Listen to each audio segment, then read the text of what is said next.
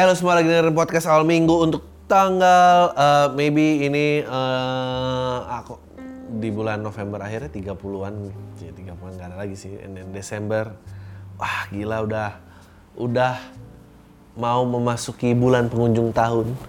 Uh, apa aja yang sudah tercapai di tahun ini? Uh, gimana resolusi tahun ini? Ya semua kita tidak sabar say goodbye terhadap uh, 2020 tapi pada kenyataannya uh, kita nggak akan pernah uh, keadaan masih akan sama aja karena uh, covid masih di mana-mana uh, kita masih akan begini-begini aja uh, dan uh, sementara itu meanwhile meanwhile uh, orang-orang yang struggle power untuk menertibkan negara ini masih terus merebut kekuasaannya. Jadi apa peduli mereka dengan kita?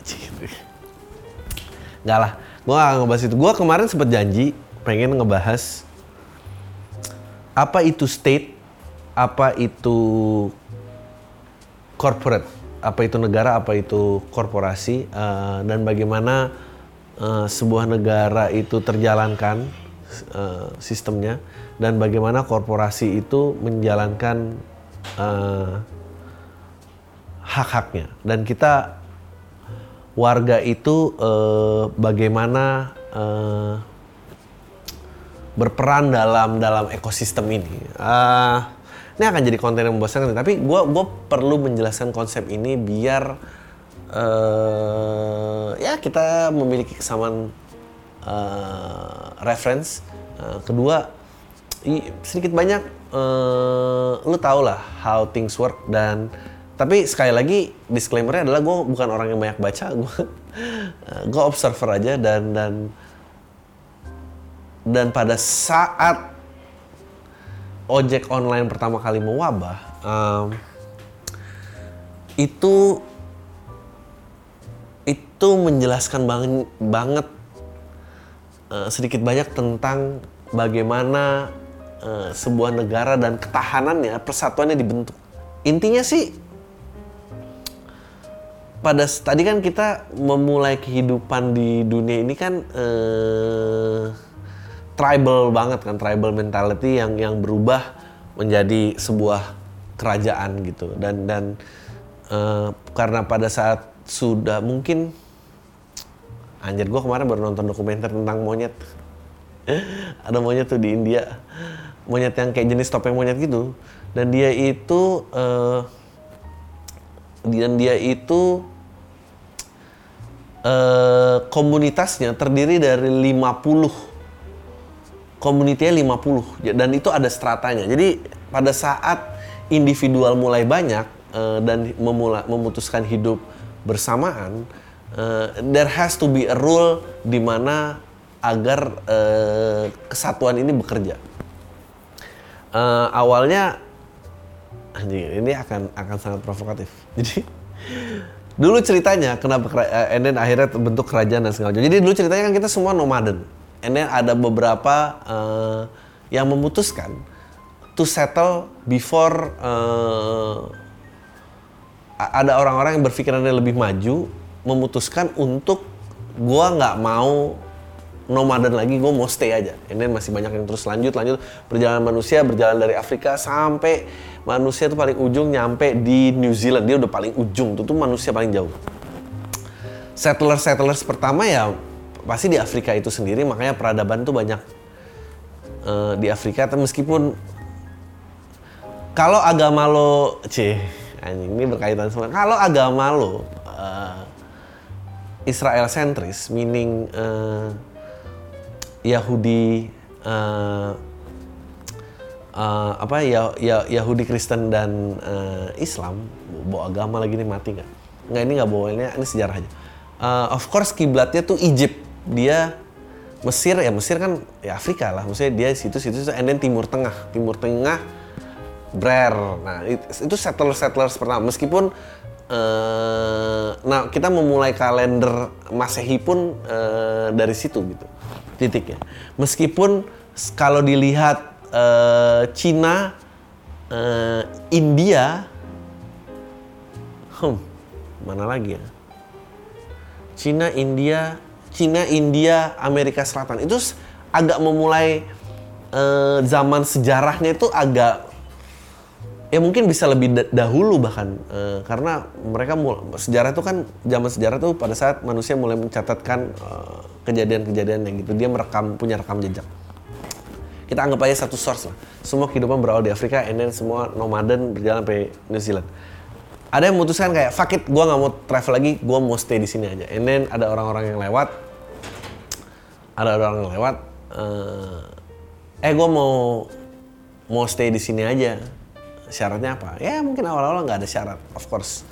Uh, sebagai apa pun yang baru dimulai untuk uh, mengambil marketnya dia harus mulai uh, tanpa embel-embel dulu. And then mulai banyak mulai banyak kericuan terjadi. Uh, misalnya contohnya uh, apa uh, ada pencurian terus dia bilang dia ngaku kepada orang yang pertama kali settle di sini pasti kan dan konsep ini masih dipakai hingga zaman sekarang ya. Maksudnya uh, uh, yang dituakan di setiap komplek itu selalu ada. So it was like that juga di zaman-zaman batu. Jadi dia akan nanya kayak, eh, ini orang ngambil kambing gua. Ini orangnya akan bilang lah, kenapa? Emang kenapa kambing yang gak, kambingnya nggak boleh diambil? Emang ini punya siapa? Kan tidak ada hak milik. And dia harus men-settle peraturan itu. Eh, lu nggak boleh ngambil kambing. Eh, lu nggak boleh. Mungkin dia mulai buat set of rules. Of course, pada saat dia menjadi status quo akan terus ada yang mencari status status quo dan dia akan bilang kenapa kita harus matuin lo deh saking udah banyak peraturan. Dan makanya dia bilang selalu ya karena yang menciptakan membisikkan kepada saya to create fear. Lalu dari mana? Makanya semua raja-raja zaman dulu pasti dia selalu mengakui dia tuh demigod uh, to instill fear to instill power. Uh, eh, gue tidak berusaha menghasut dari mana sebuah kepercayaan itu berasal, tapi lo bisa lihat sejarahnya. nah intinya adalah, nah abis itu dia berusaha membungkus bahwa, hey there's a greater goal loh kalau kita mau bekerja sama yang bisa kita capai, yaitu apa world domination, garing. Uh, ya do, do, dominasi kekuatan keutuhan uh, kesatuan itu tersebut. Jadi banyak kan tuh slogan-slogan kesatuan harga mati itu whatever itu. Nah, gimana caranya menertibkan ini gitu? Uh, ya dulu ada uh, yang namanya upeti gitu, uh, persembahan bahwa eh gua bisa hidup dan mencari penghidupan dari sini. Uh, haruslah disisihkan sebagian penghasilan gua uh, kepada negara, kepada state gitu atau upeti kepada raja gitu. Yang yang bungkusannya kenapa gue pakai gini emang gitu emang udah bener kok yang bungkusannya adalah akan digunakan sebaik-baiknya terhadap kemajuan kemajuan kesatuan ini sendiri fast forward. Fast forward semakin kompleks tatanannya lalu dia harus membuat satuan yang yang menjaga keutuhannya. Which is military gitu atau penjaga-penjaga ya, ya, yang patuh terhadap status quo-nya tanpa ada pertanyaan. Nah, bagaimana cara membentuk oh, bagaimana caranya mengubah yang dari rakyat harus membela state-nya demi menertibkan rakyatnya. Nah, di sinilah penemuan ojek online itu menjelaskan terhadap gua. Cara caranya adalah subsidi. Makanya kalau orang tua lo masih menyuruh lo menjadi uh, to be involved in military atau PN, PNS karena karena urusan logistik itulah yang pertama kali sebagai frontline dibiayai oleh state yang penghidupannya dijamin. Pada saat lo tidak punya worry uh, terhadap kebutuhan individual lo lo akan lepas tuh. Lo akan siding dengan state dan lo akan mulai oke okay, the, the people is the enemy. Uh, meskipun nah jadi make sense sebetulnya kenapa orang tua lu nyuruh lu kayak gitu. Karena demi penghidupan yang layak. Fuck the rest of the people tapi ya uh, begitulah keadaan nih jadi lu yang hidup di sini mendapati penghidupan lu berikan share-nya kepada state state itu berusaha menjamin kelangsungan hidup lo. dan kesatuan ini. Atau agenda lainnya adalah state berusaha menjamin kekuasaannya dia sendiri. Nah, ini udah jelas nih hubungannya people and state. Kenapa bayar pajak itu penting?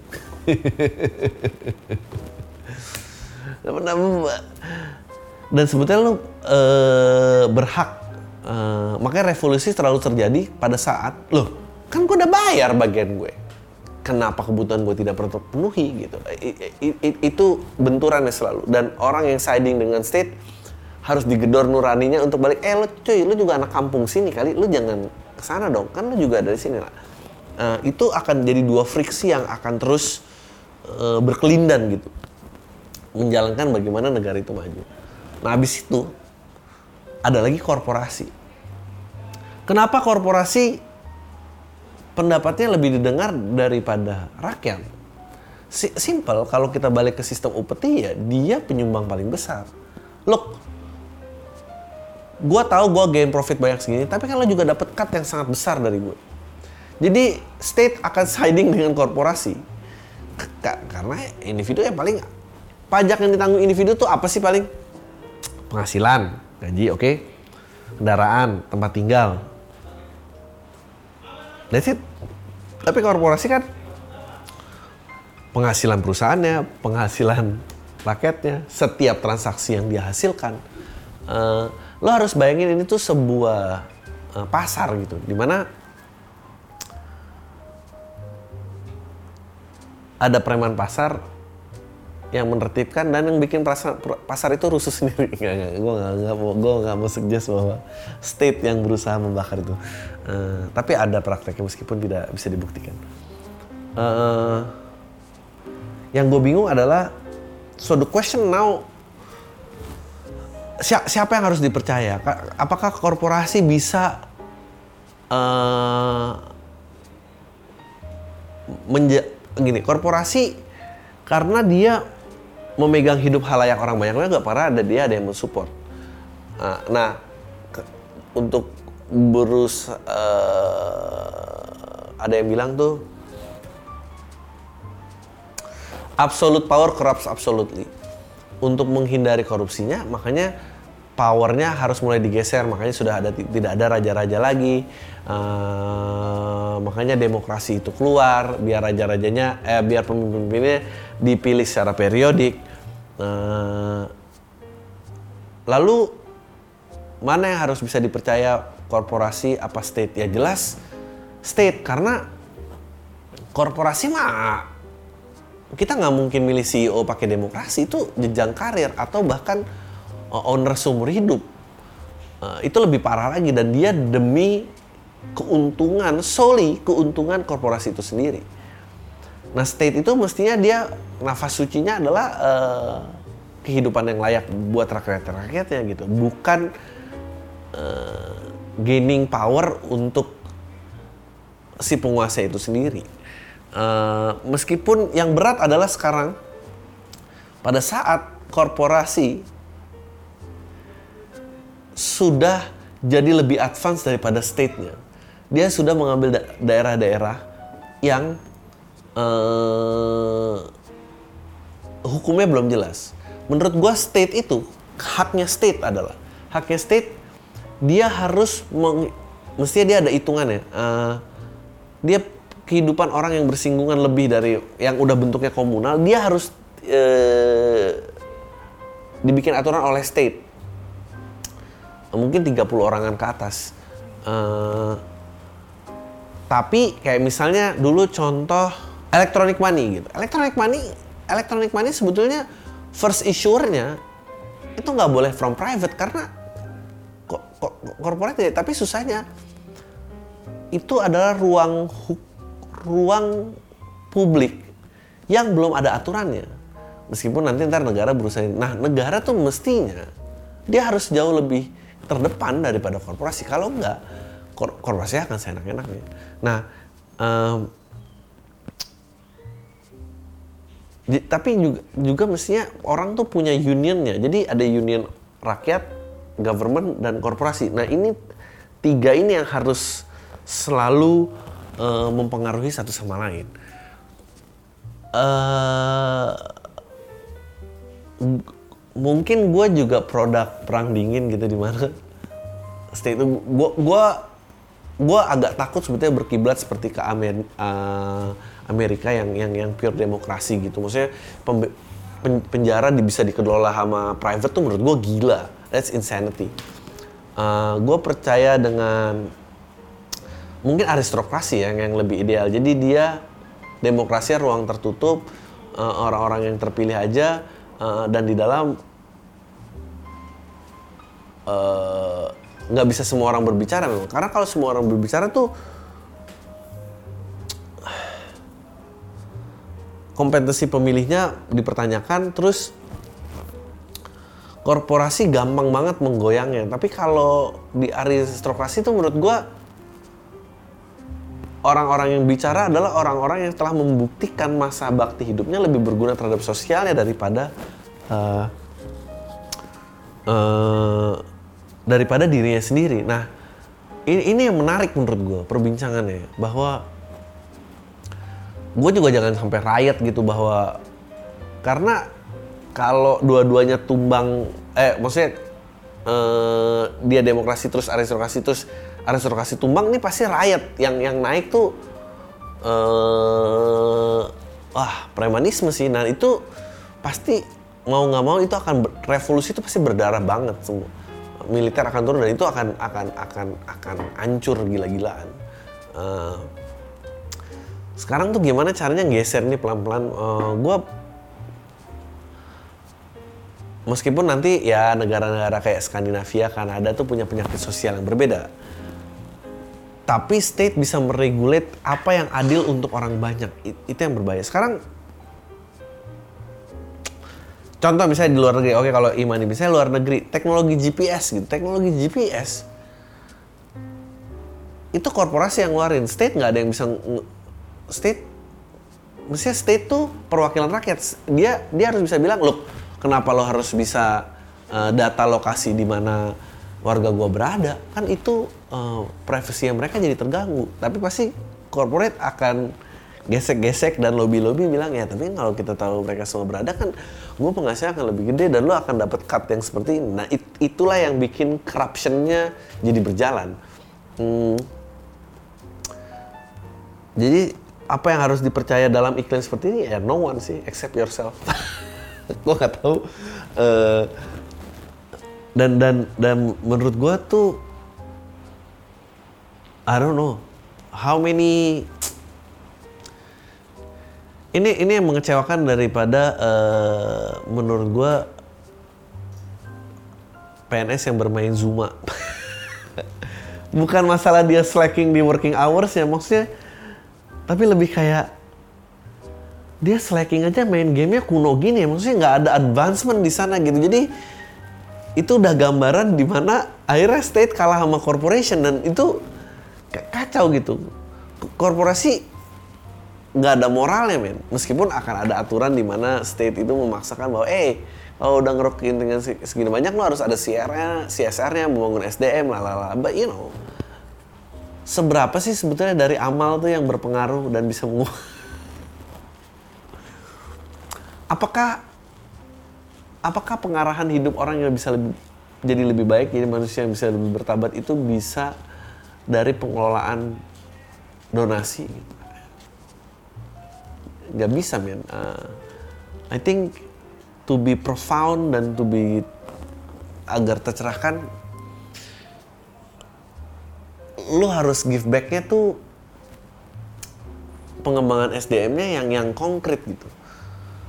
Ka kalau hanya bentuknya dana dan you know uh, dan dan uh, stunt movement dan buat majang-majang IG-nya sebuah korporasi dia nggak akan ke mana-mana.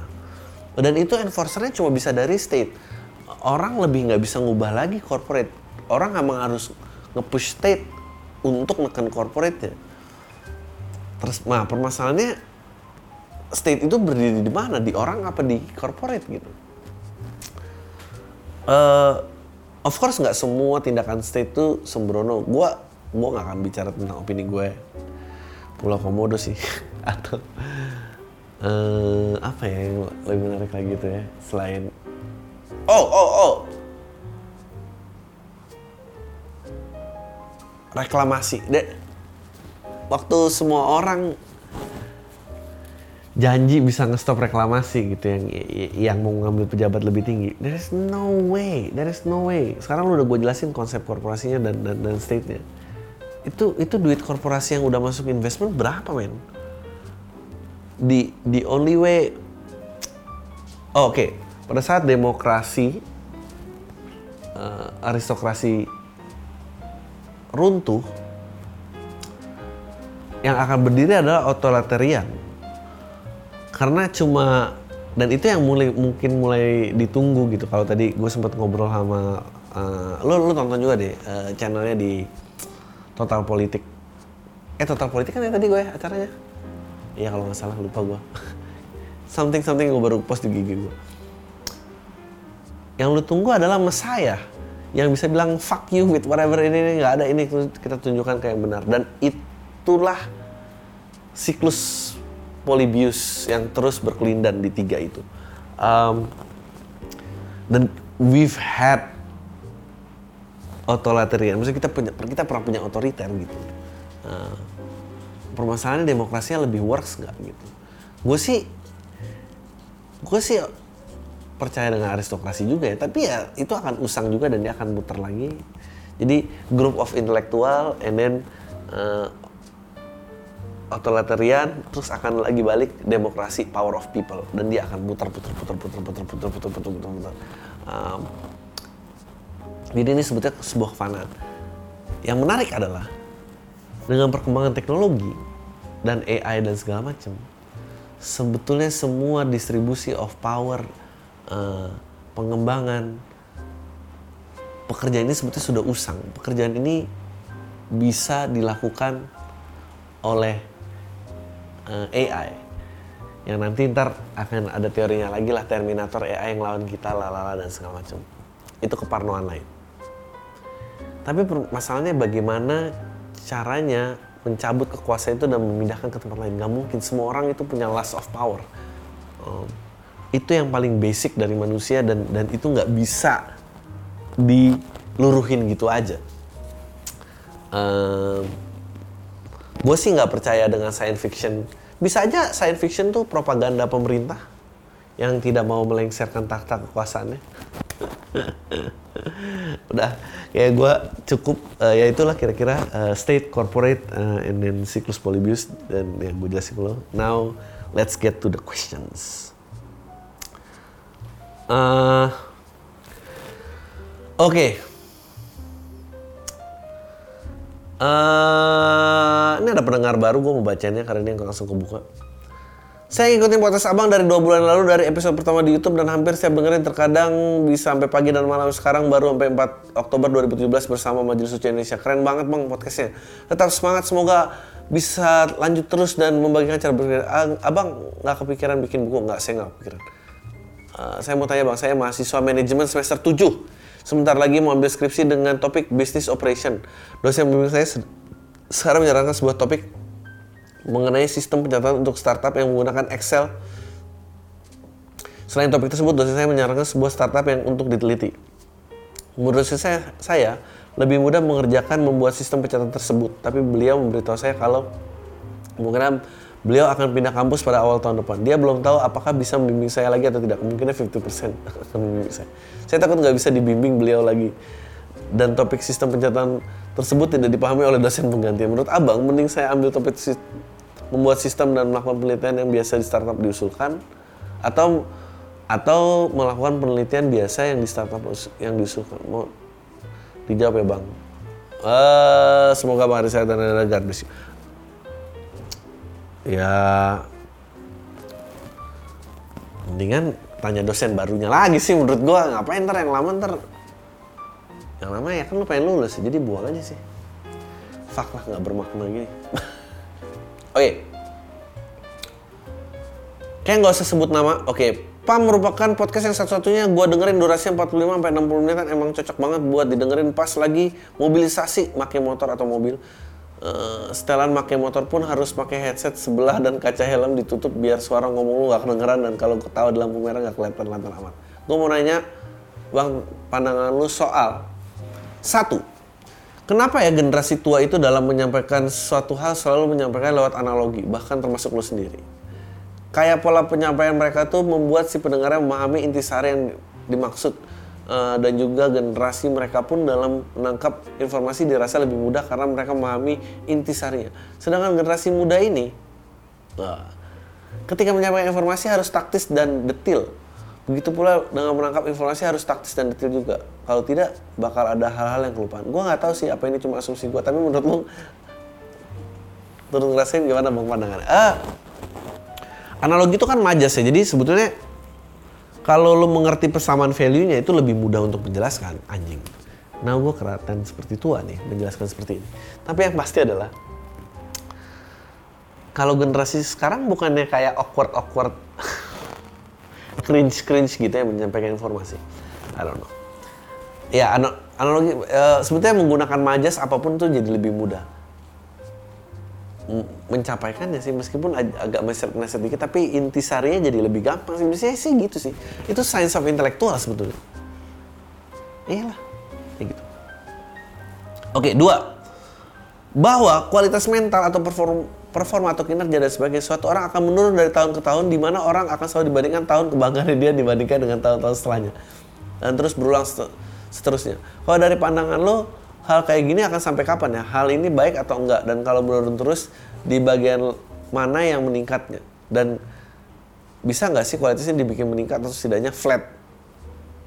Catatan gue sendiri nggak memberikan parameter spesifik generasi muda atau generasi tua di umur berapa tapi buat dijadikan patokan gue sendiri berumur 22 tahun bang dan gue menganggap kalau di umur gue masih termasuk muda ya lo muda oke okay. itu sebetulnya uh, relevansi ya. Gimana pun juga ya tadi last of power. Uh, orang selalu pengen menganggap dia masih memegang gitu. Gue masih relevan kok gitu. Meskipun ya udah nggak relevan juga gitu. Itu problemnya. I think gue believe the future generation itu selalu mengarahkan ke perkembangan yang lebih baik. Uh, ya kalau lihat tatanan besarnya ya orang sekarang nggak segitu banyak mati seperti zaman-zaman dulu itu satu. Uh, tapi ada penurunnya uh, karena welfare-nya meningkat, toughness-nya tuh menurun mau nggak mau survival rate-nya menurun. Uh, kita banyak banget sih sekarang merayakan mediocracy. Ini gue udah kayak orang tua marah-marah. Ya, menurut gue dulu kenapa kita bilangnya a star, sebuah idola karena itu sebuah hal yang jauh dari jangkauan. Sekarang kalau cuma stem-stem ukulele tapi jadi populer, mas semua orang juga bisa. Itu bukan skill, itu keseharian, men. Kenapa lu buang-buang waktu uh, mengamati sesuatu yang reguler? Gue nggak mengerti itu. Kayak mendengarkan podcast ini, ini kan skill Gimana caranya bisa ngomong 60 menit sendirian? Nggak punya temennya. Oke. Okay. Oh, ada yang perempuan akhirnya. Aku perempuan 23 tahun rutinitas sehari-hari kerja dan nyambi usaha kecil-kecilan. Kalau ditanya alasannya kenapa dengerin Pam, mungkin karena aku memang butuh figur kayak abang. Abang tahu banyak hal dan gak jarang ngomongin abang itu nyadar aku buat sadar akan sesuatu yang belum aku tahu. Atau sebenarnya aku tahu tapi itu salah, tapi masih aku lakukan. Edan. Meskipun kadang ada yang nggak setuju sama opini abang, macam waktu itu abang bilang kalau lebih mudah nunggu mereka waktu itu ngomongin orang tua meninggal daripada nunggu mereka berubah. Mungkin karena baru ditinggal almarhum bapak empat tahun yang lalu kali anjing. Dari kecil kami nggak dekat seperti kebanyakan anak perempuan dengan bapaknya. Beliau sibuk cari duit karena kami bukan orang berada dan kami baru dekat sekitar tiga tahun sebelum beliau meninggal. Di situlah beliau udah mulai sakitan aku yang anak terakhir jadi merawat beliau dan kami lebih dekat dari sebelumnya. Beliau banyak cerita soal masa muda dan ternyata kalau aku nanya suatu beliau bisa jawab pun sebaliknya aku habis balik dari perjalanan ke mana gitu kita suka sharing. Karena waktu muda beliau suka berkelana jadi tahu banyak tempat. Tapi ternyata itu nggak berlangsung lama. Ternyata sosok beliau, eh, setelah meninggal, setelah beliau meninggal aku kesepian. Karena nggak ada lagi oh sosok yang tiap pulang ke rumah. Sosok itu tiap lagi pulang ke rumah. By the bapak meninggal waktu aku masih kuliah. Well pertama in my defense itu a joke of course jokes itu to be funny, not to be right. Uh, jadi lo harus mengerti juga. Uh, I'm very sorry for your loss. Uh, pasti berat keadaannya. Uh, tapi ya gue menyuarakan orang-orang yang tidak akur dengan orang tua. Dan waktu itu ya semua ketawa ya, semua bisa relate. Dan kalau lu ada di dalam ruangan itu, gue rasa pun lu juga bakal bisa tertawa. Uh, bisakah dua hal benar dalam saat bersamaan? Bisa. Bisa. Kalau lu bisa melihat sisi ironis dan keluar dari ego lu, bisa. Kenyataan yang lu jalanin benar nggak benar? Kenyataan yang tidak ada di lu bisa benar nggak bisa? Buat banyak orang. Itu yang menarik dari ilmu skeptis ya. Nothing is truly absolute. Karena bapak udah nggak ada di situ lagi kayak kehilangan kontrol sama diri sendiri. Sekarang domisiliku di Surabaya, sementara rumah aku ada di, oke, okay, di di sensor ya. Uh, di rumah masih ada ibu, aku pulang seminggu sekali di kepala aku masih ada mindset bahwa ibu nggak semenakutkan bapak. Beliau jarang nasihatin aku seperti bapak yang lakuin. Jadi aku dengerin saya abang ya udah kayak asupan buat aku jadi hidup percaya lah oh ya suara abang itu ngilangin ngantuk mantap kalau abang tanya siapa aku tipikal yang judgmental dan nggak berpasangan sih yes eh mungkin akhir-akhir ini lagi mencoba selalu positif thinking sama setiap hal yang biar nggak asal ngejudge orang. Udah jomblo 7 tahun setelah dengerin Pam serta email-email abang yang bacain. Jadi rada maju mundur mau deket sama orang. Saya serius. Tapi ini emang jarang ada yang deketin sih ya. Maaf jadi panjang pol. Uh, semoga sehat baca ini setelah baca ini covid udah menghilang ya ya nggak mungkin dong uh, ya I mean hmm, kehilangan sosok yang lu jadi pegangan lu tuh pasti berat karena uh,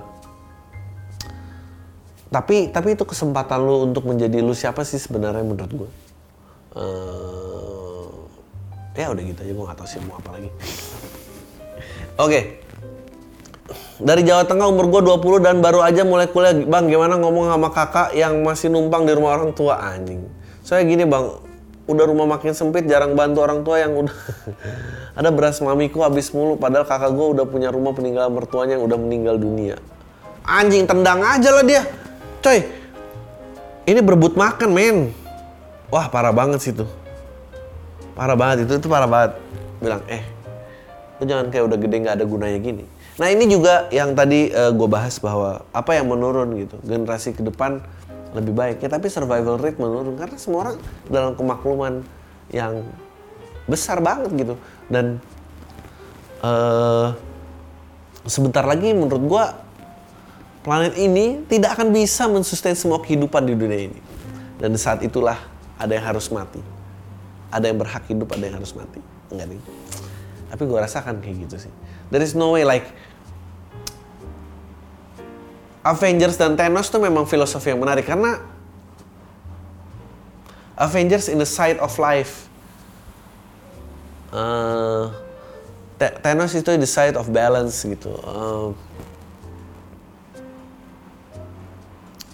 gue sih banyak yang ngeliat orang-orang yang gue rasa pantas mungkin gue juga pantas kali you know? nggak ada guna nggak ada sumbangsih terhadap dunia ini. Buat cewek usia 21 tahun gue lagi FWB-an sama cowok yang 10 tahun lebih tua daripada gue astagfirullahaladzim why jadi 21 sama 31 friends with benefit nih oke okay. oke okay. for the record gue juga pernah sama yang umurnya beda jauh kayak gini tapi cuma pernah tidur dua kali eh oke okay. pernah tidur dua kali karena kita beda kota edan jadi bukan karena nggak pengen tidur lebih ya, karena jarak lebih jauh ya Edan. Sebetulnya tidur pengen lebih banyak, tapi kalau jarak lebih dekat ya. Pertanyaan gue adalah gimana caranya maintain relationship ini bang? Hah? Jujur gue agak susah ngobrol sama FBB ini. Dia mege, me, me, dia magister dan kerja di daerah Jaksel. Wah, siapakah pria Jaksel ini? 31 dengan FBB 21 lu nggak tahu malu lu. Ganteng banget, sedangkan gue baru lulus diploma daerah pinggiran. Interestnya juga agak beda selama 4 bulan. Uh, ini dia selalu repeat order anjing. Nah bahasa repeat order dong bangsat lo. Dan dia juga suka tidur sama gue karena ini tuh ngarang apa enggak sih? Dia suka tidur sama gue karena gue bisa menikmati momen dan gak ribet sama cewek dia yang udah pacaran sama dia kurang lebih tujuh tahun. Oh, jadi lu bukan cuma FWB, lu juga selingkuhan dari orang yang udah pacaran tujuh tahun. Luar biasa ya. Luar biasa, luar biasa. Pasti uh, semua pengen cari IG-nya kan ini sekarang namanya pengen gue sebut enak aja. Gue menghargai privasi gue nggak orang ini bukan acara Mama Dede. ini bukan lambe turah ya. Ada tips nggak sih bang biar bikin cowok betah yang udah 30 something anjing? Makasih udah baca email gue. Ya goyangannya harus mengadek. Tipsnya tips-tips hotman gitu ya kayak yang penting dijaga neng. Eh uh, I don't know. Kalau lo kuat jalannya, I mean, gue sih menganggap lo udah dewasa ya, 21 tahun, you know. Enough. Uh, menurut gue lo udah udah udah udah udah menang banyak, udah menang banyak dari ceweknya yang tujuh tahun itu. Cewek yang tujuh tahun lo nggak punya ide, doesn't have any clue bahwa dia lagi disalib sama anak 21 tahun. Good for you. Uh, menurut gue lu udah tepat, jangan pernah minta apa-apa aja karena dia repeat order sendiri.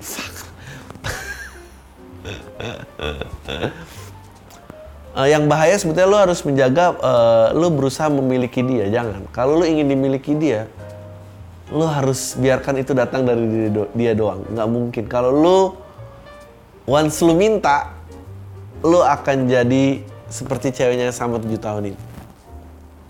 Kalau perlu lu gini, gini kalau baru kelar tuh kayak gini udah sana langsung pulang ntar dicariin lama tujuh tahun. Gituin aja. Di di reverse psychology itu goyang tuh anak umur 31 tahun. Kita lihat aja goyang dia pasti. Anjing ya udah nggak ribet dia pengertian. Goyang itu goyang. Lu gituin aja. Uh, atau lagi kayak itu kalau ditelepon angkat aja aku bisa kok dia mau eh, nggak usah bikin curiga curiga gitu ntar kasihan loh dia nyariin. Aku sih kalau nelfon orang pengennya diangkat. Gituin aja. Pusing dia pas itu anjing dia berani loh kayak gini. Gue dan dia akan kayak enggak enggak. Masa sih aku angkat? Bos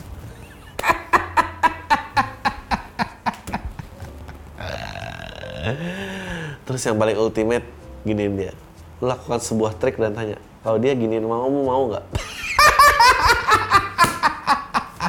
Game set and match. Gue tunggu dua bulan lagi please email gue. Lu sampai mana? Dia udah putus belum?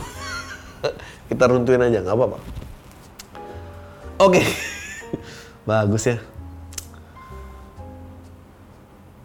Ya ampun. Gua dokter kandungan. Wah. Ini emang pendengar gue. gue kalau ada gue kalau tahu ya ada dokter kandungan yang dengerin gue, gue sih nggak mau sih datang ke dokter itu. nggak mau ada referensi yang lebih bagus daripada gue. Uh, dokter kandungan sekaligus punya usaha rumah sakit uh, sumuran gua. Wah. Anjing lu temennya temen gua. Fuck lah. Gua gak mau sebut namanya. Oke, gua udah tahu lama, gua udah tahu lama pam kadang dengar kadang kagak namun akhirnya ini jadi intens karena banyak waktu luang. Oke, di sini gua pengen cerita sedikit. Jadi gua manage rumah sakit bersalin swasta yang gua punya sendiri selama lima tahun. Wow rumah sakit ini hanya menerima pasien umum non BPJS.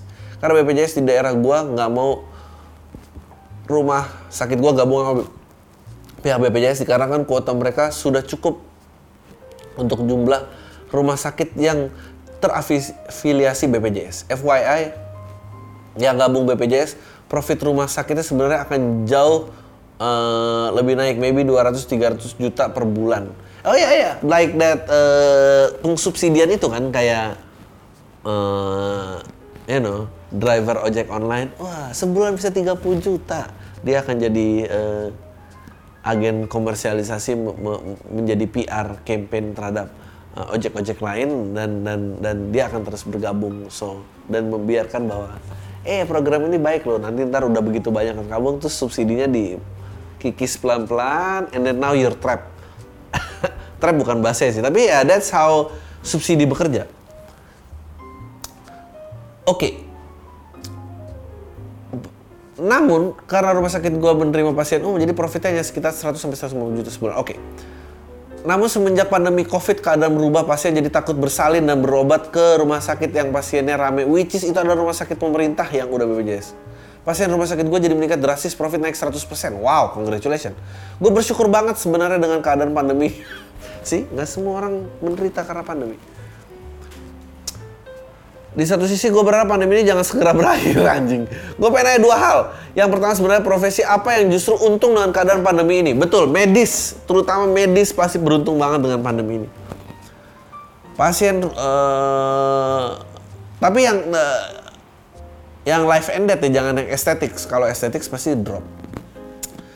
Pasien-pasien gue rata-rata karyawan perusahaan BUMN, PNS, petani, pedagang, keadaan ekonomi sedang resesi. Tapi mengapa mereka masih mampu untuk berobat ke rumah sakit gue? Ya, instansi-instansi yang lo sebut adalah instansi-instansi yang siding with state, which is uh, welfare-nya dijamin. Walaupun sebenarnya tarifnya nggak terlalu mahal, sekitar 5 juta untuk bersalin dan sesar 3 juta uh, 5 7 juta jika bersalin dengan sesar dan 3 juta bersalin normal. Men, lu di mana sih nih mau di gua mau gue promoin boleh aja sih. Yang kedua setelah pandemi ini, apakah profit rumah sakit gua akan menurun?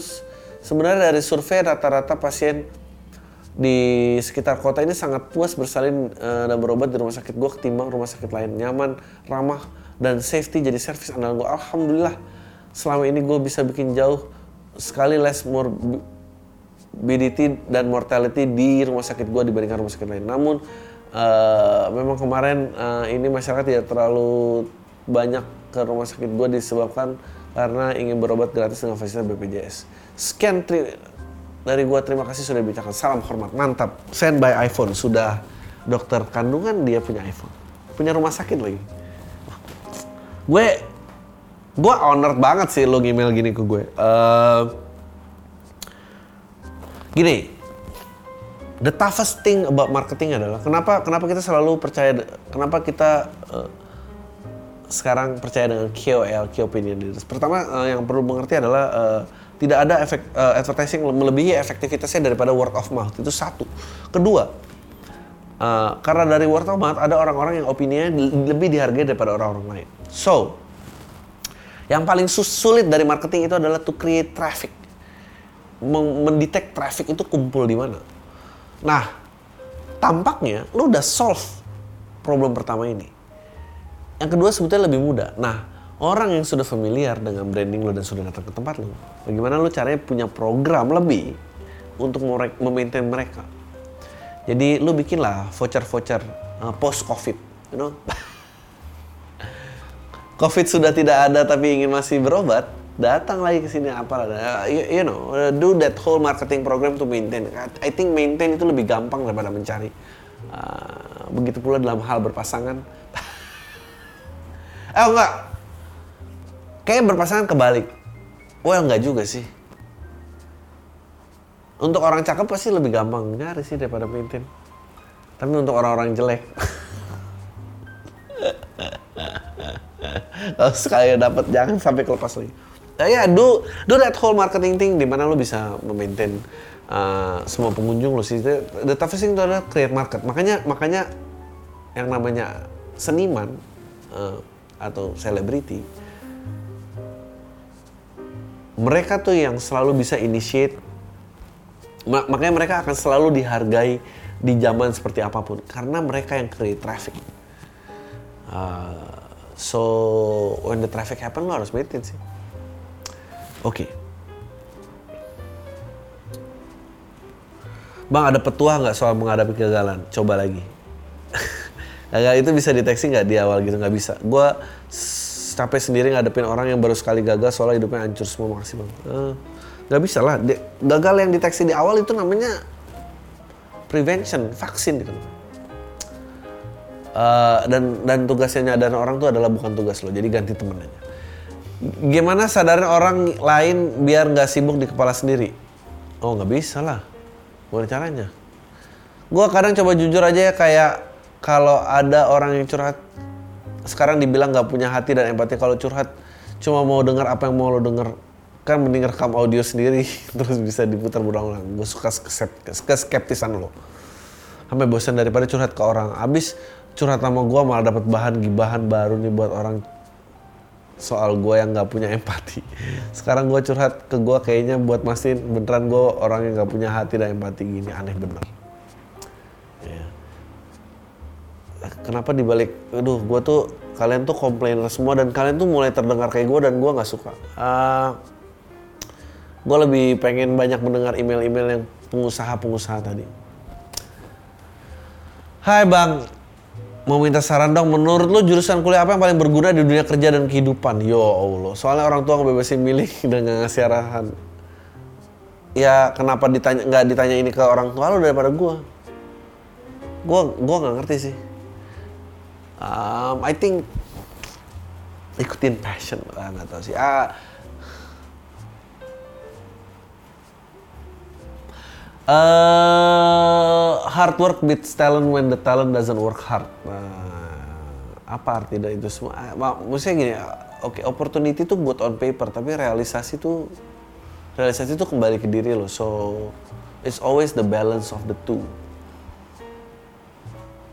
Bahkan lebih baik apa yang well, lo kontrol apa yang bisa lo kontrol aja. Oke. Okay. Anjing lucu banget. Bang, usia berapa lu udah gak goblok lagi masalah cinta dan kenapa bisa gak goblok? Atau lu kagak pernah goblok sama sekali masalah itu? Goblok main gila lo gua sih. Cuh. Gue sih I'm so bad at this department. Ah, uh, I think jatuh cinta tuh nggak kayak naik sepeda gitu. Kalau naik sepeda kan sekali naik lu langsung bisa terus uh, kalau itu cinta tuh kayak mau berapa kali jatuh tetap aja kayak pertama kali gitu. Jatuh tapi ya gitu lagi senang lagi. Uh, I Nah, gue sih mulai tahu diri gue siapa tuh mungkin gue 24 gue mulai punya gambaran diri gue kayak apa. Ini 28 sih gue mulai menjadi diri gue. Uh,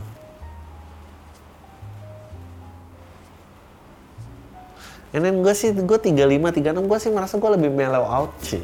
Gue nggak sehingar bingar. Uh, tapi itu kaitannya, I don't know. Yuk, generasi kalian tuh, ceh, mulai tua. Emang menghadapi perasaan ini beda banget sih. Uh, mungkin terlalu banyak pilihan juga tidak baik ya. Makanya konektivitas kalian tuh kan besar sekali. Kalau orang zaman dulu kayak gitu. Bapak ibu lo mungkin ya, saling merawani satu sama lain. Dan merasa bahwa itu adalah cintanya cinta. Apakah orang tua kalian lagi gue nggak tahu juga apakah itu goblok pintar nggak I, I don't know. Gue usia 20 tahun tapi masih aja bingung sama cinta. Gue putus dari mantan gue 2019 tapi entah kenapa gue masih sayang sama dia. Waktu gue ajak balikan dia bilangnya aku lagi nggak mau pacaran aja by the way dia sekarang di Batam kakak kelas gue dulu waktu SMA nice kakak kelas Uh, dan kami LDR semenjak dia tamat SMA. Tunggu, Holden lu itu cowok apa cewek sih? Oh, lu cowok. Berarti kakak kelasnya lebih older women nice. Uh, uh, dia milik kuliah di Batam sedangkan gue tetap di Medan. Gue putus sama dia karena gue ketahuan nonton sama cewek gue yang kebetulan dilihat teman mantan gue itu di Batam. Yang di Batam. Ya Allah dan itulah gue diaduin masalah lain gue sama cewek gue sering gue ajak jalan pas SMA bahkan saat gue masih pacaran sama cewek Batam itu. Tapi bukan yang gue ajak nonton ceweknya ini cewek yang beda lah. Anjing banget. Lu nggak bego dong ini lu berarti pinter banget dong. Bukti ceweknya banyak gue kira bego tuh kayak dia cinta matiku tapi aku juga nggak yakin dia sadar aku ada bang. Aku cuma bisa like like foto. Dia fallback juga nggak. Mungkin lu kayak gitu. Dan itu baru goblok sih kalau ini malu pinter. Ini lo lo, lo goblok karena ketahuan, tapi basically lo lumayan lah. nah kami sempat dekat dan akhirnya kami ber kedekatan kami berakhir waktu dia jadi pramugati, pramugari tahun lalu. Dia juga kakak kelas gua, nice di sekolah yang sama Edan. Ya, gimana sih ceritanya? Ya itu masih temennya temennya cewek lo dong tiba-tiba dia ngechat gue yang ngajak ketemuan dan mulai dekat lah gue bingung bang dia sekarang udah pramugari yang kelasnya lebih tinggi dan gue cuma mahasiswa kere. Well uh, last of power ya ada ada perempuan-perempuan yang pengen merasa strong dengan memacari lelaki-laki lemah. Jadi lelaki yang lemah lu bukan berarti lu nggak punya senjata. Sebetulnya lu punya senjata lu cuma tidak tahu cara menggunakannya. Jadi bagi orang-orang yang bisa mengasah kelemahannya pun niscaya lu juga akan mendapatkan apa yang lu cari Pertanyaan gue, gue harus balikan sama mantan gue yang di Batam karena emang keluarga kami udah dekat? No! No, lupain aja. Gara-gara keluarga lu udah deket, ah, lu akrab sama keluarga lu juga kagak. Atau cewek pramugari yang kelasnya lebih tinggi, balasannya nggak terlalu responsif, tapi dia lebih ngerti perhatiin gua aja. Yang pramugari lah, gila lu. Atau gue nyari cara baru aja, nyari cara baru, cewek baru juga oke. Baru. Ya, pokoknya, pokoknya jangan yang pertama. Tapi nyari cewek baru ini juga enaknya gimana ya? Gue oleh online gini. bener bener bener bener. Kuliah online tuh emang musuh, musuh bagi mahasiswa check in. Ah, eh paling cepat 2021 baru offline. Kalau nyari sekarang di Medan bakal LDR juga. Kalau nyari waktu di kuliah di tempat gua kuliah di sana bakal kelamaan. Wah di Depok canggih men. Kuliah di Depok pakai lah warna jaketmu. Eh, cari yang baru aja. Well, gini, gini. Uh, uh, uh, uh, uh, karena pilihannya akan LDR ya, pramugari kan akan LDR juga tuh. Sampai lu mulai sama dia, tapi mulai ngerakit skoci lain gitu sampai lu bisa dua kaki sampai hap lu pindah ke skoci baru udah gitu aja sih. Udah on thought, uh, sampai sampai ketemu minggu depan. Itu aja. Tai lu semua. Deh.